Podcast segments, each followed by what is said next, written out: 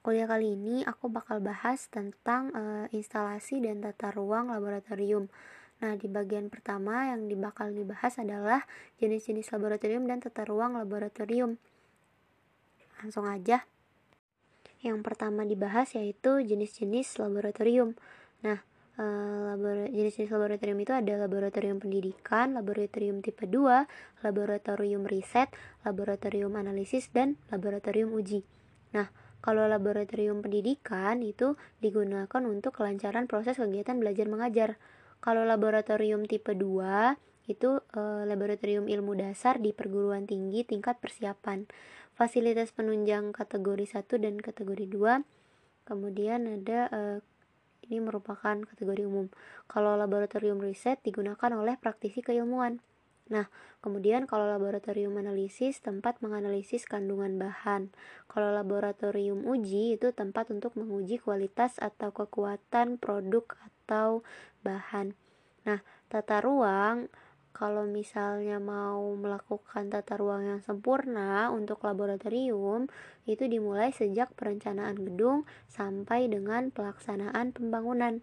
Nah, tahap perencanaan awal itu pertanyaan dasar ya. Nah, yang pertanyaan dasar untuk tahap perencanaan awal jadi eh, jenis pekerjaan saat ini dan akan datang. Kemudian bahaya khusus dari suatu pekerjaan, perlengkapan yang diperlukan apa, pekerjaan yang menghasilkan uap, debu, panas, dan suara berlebihan, pekerjaan yang dilakukan di ruang isolasi atau terpisah, pekerjaan yang memerlukan lingkungan yang terkontrol, kemudian ruangan untuk instrumen tetap, undesigned work areas, terus uh, lokasi laboratorium relatif terhadap fasilitas lain, dan persyaratan keamanan khusus. Nah, untuk e, selanjutnya ada daftar operasi yang harus dievaluasi. Daftar operasi yang dapat menimbulkan bahaya serta tindakan pencegahannya, gangguan tidak berbahaya yang dapat ditimbulkan.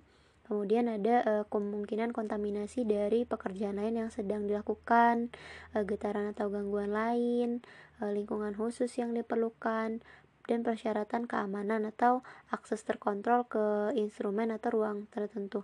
Itu adalah e, daftar eparu, e, oh, daftar operasi yang perlu e, untuk dievaluasi. Nah, tahap selanjutnya yaitu e, kebutuhan ruang.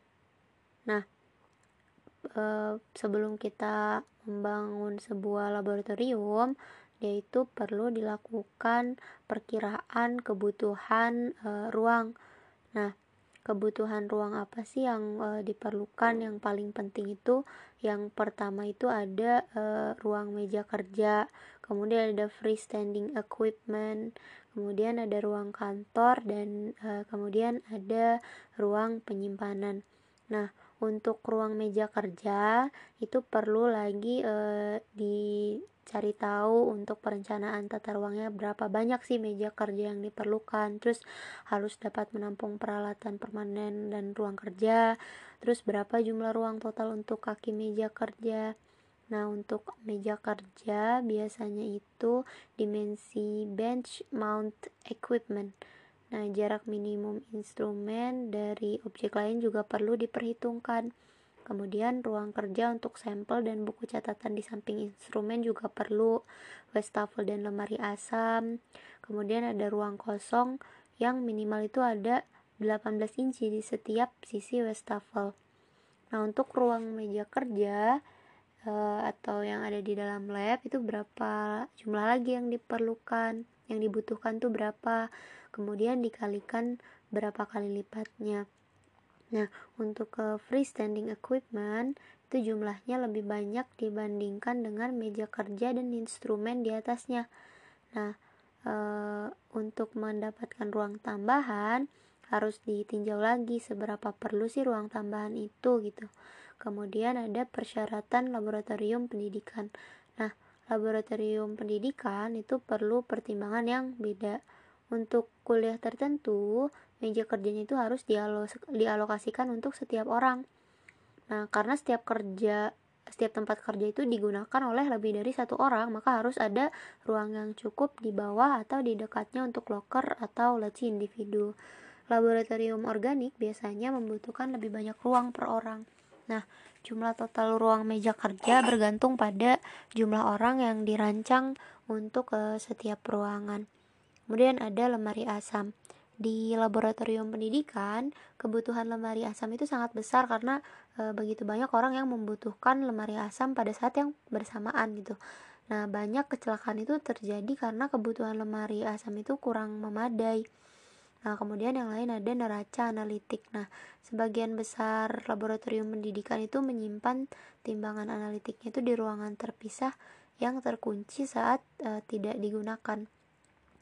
Nah, timbangan yang terpisah kurang dari 36 inci itu kurang baik atau penuh gitu, terlalu penuh. E, ruangan yang terpisah seperti itu juga diperlukan oleh instrumen lain gitu seperti spektrofotometer yang tidak mengeluarkan asap atau panas gitu.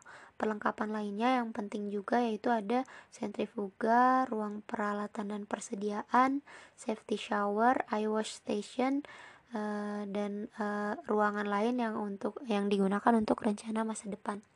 Nah, kemudian bagian area penyimpanan di lab. Ruang yang dibutuhkan itu setidaknya dua kali lipat dari perkiraan perencana beberapa item itu harus disimpan dalam kondisi terkendali dan item yang berharga itu perlu disimpan dalam penyimpanan terkunci. Nah, untuk bahan-bahan yang mudah terbakar bahkan dalam jumlah sedang dia membutuhkan e, penyimpanan yang khusus. Nah, untuk laboratorium industri, medis dan riset biasanya itu e, kalau misalnya di pabrik mereka menyimpan sampel bahan mentah dan produk. Jadi untuk waktu yang lama bahkan mungkin diminta e, melakukannya itu oleh hukum gitu. Penyimpanan sampel itu bisa menimbulkan bahaya kalau misalnya diabaikan gitu. Laboratorium medis dan penelitian itu punya persyaratan penyimpanan yang hampir sama dengan laboratorium industri. Untuk laboratorium industri medis dan riset, semua itu kan membutuhkan e, ruang yang cukup gitu untuk bahan kimia dan persediaan serta untuk perlengkapan yang mungkin hanya digunakan sesekali untuk tujuan khusus. Nah, semuanya itu membutuhkan ruang untuk e, jumlah sampel yang berkembang pesat. Nah, kemudian yang dibutuhkan dalam lab itu rak penyimpanan. Nah, sebagian besar penyimpanan itu kan butuh rak ya. Jadi kalau misalnya barangnya besar, itu perlu disimpan e, contohnya seperti instrumen yang tidak sering digunakan. Raknya itu nggak boleh lebih dari e, 12 inci. Jarak minimum antara rak adalah 12 hingga 15 inci meskipun ini mungkin kurang untuk beberapa penyimpanan sampel. Angka-angka seperti itu akan memberitahu perencana e, berapa sih e, berapa lagi ruang rak yang dibutuhkan. Nah, untuk laboratorium pendidikan itu sangat e, sedikit e, laboratorium pendidikan yang sudah beroperasi cukup lama yang memiliki fasilitas e, ruang stok yang memadai. Nah, kemudian ada e, bagian penting lainnya yaitu penyimpanan reagen. Nah, persediaan reagen itu sering dibeli dalam uh, jumlah besar untuk bertahan selama satu semester atau satu tahun penuh gitu jadi harus ada uh, ruang yang cukup untuk bahan yang mudah terbakar untuk bahan yang dapat mengeluarkan asap bahaya yang korosif atau yang tidak menyenangkan Nah, untuk beberapa kuliah, reagen tertentu itu dikirim ke laboratorium untuk percobaan, kemudian e, dibawa lagi ke ruang penyimpanan. Nah, Selanjutnya ada barang pecah belah. E, beda beda dengan reagen, barang pecah belah itu ada yang dapat disimpan hampir di mana pun e, ada di ruangan gitu. Jadi daripada menghabiskan ruang laboratorium atau ruang persediaan yang berharga, karton-karton penuh barang pecah belah itu dapat disimpan di gudang atau gedung lain dan hanya membawanya ke ruang persediaan untuk memenuhi kebutuhan. Nah, Uh, kemudian ada kebutuhan instrumen. Jadi beberapa instrumen diperiksa hanya uh, beberapa kali setiap semester. Selebihnya itu ada di gudang. Elektroda platinum dan barang-barang berharga lainnya biasanya membutuhkan penyimpanan yang uh, terkunci. Kemudian ada ruang persiapan. Ruang persiapan ini adalah ruang stok e, untuk persiapan larutan dan item lainnya. Jadi, ruang ini tuh membutuhkan meja kerja biasa dan wastafel dan harus ada ruang untuk larutan yang disiapkan untuk dibagikan ke laboratorium. Untuk perbaikan dan perawatan, ruang meja kerja yang memadai itu harus disisihkan untuk e, melakukan perbaikan dan pemeliharaan rutin peralatan. Nah, kemudian ada equipment check out. Jadi e, mengecek peralatan jadi meja yang dicek itu ada meja besar di samping jendela checkout biasanya e, bisa sangat berharga nah peralatan yang dibutuhkan e, bisa diambil dari rak yang e, kemudian dibariskan di atas meja e, untuk segera diberikan kepada praktikan nah ketika dikembalikan peralatan itu ditempatkan di atas meja dan dibawa kembali setelah e, penyimpanan e, selesai nah lokasi laboratorium itu di dalam gedung sering kali merupakan hasil dari kompromi besar ya. Kadang-kadang e, perencana laboratorium diberikan lokasi dan harus memanfaatkannya itu sebaik mungkin.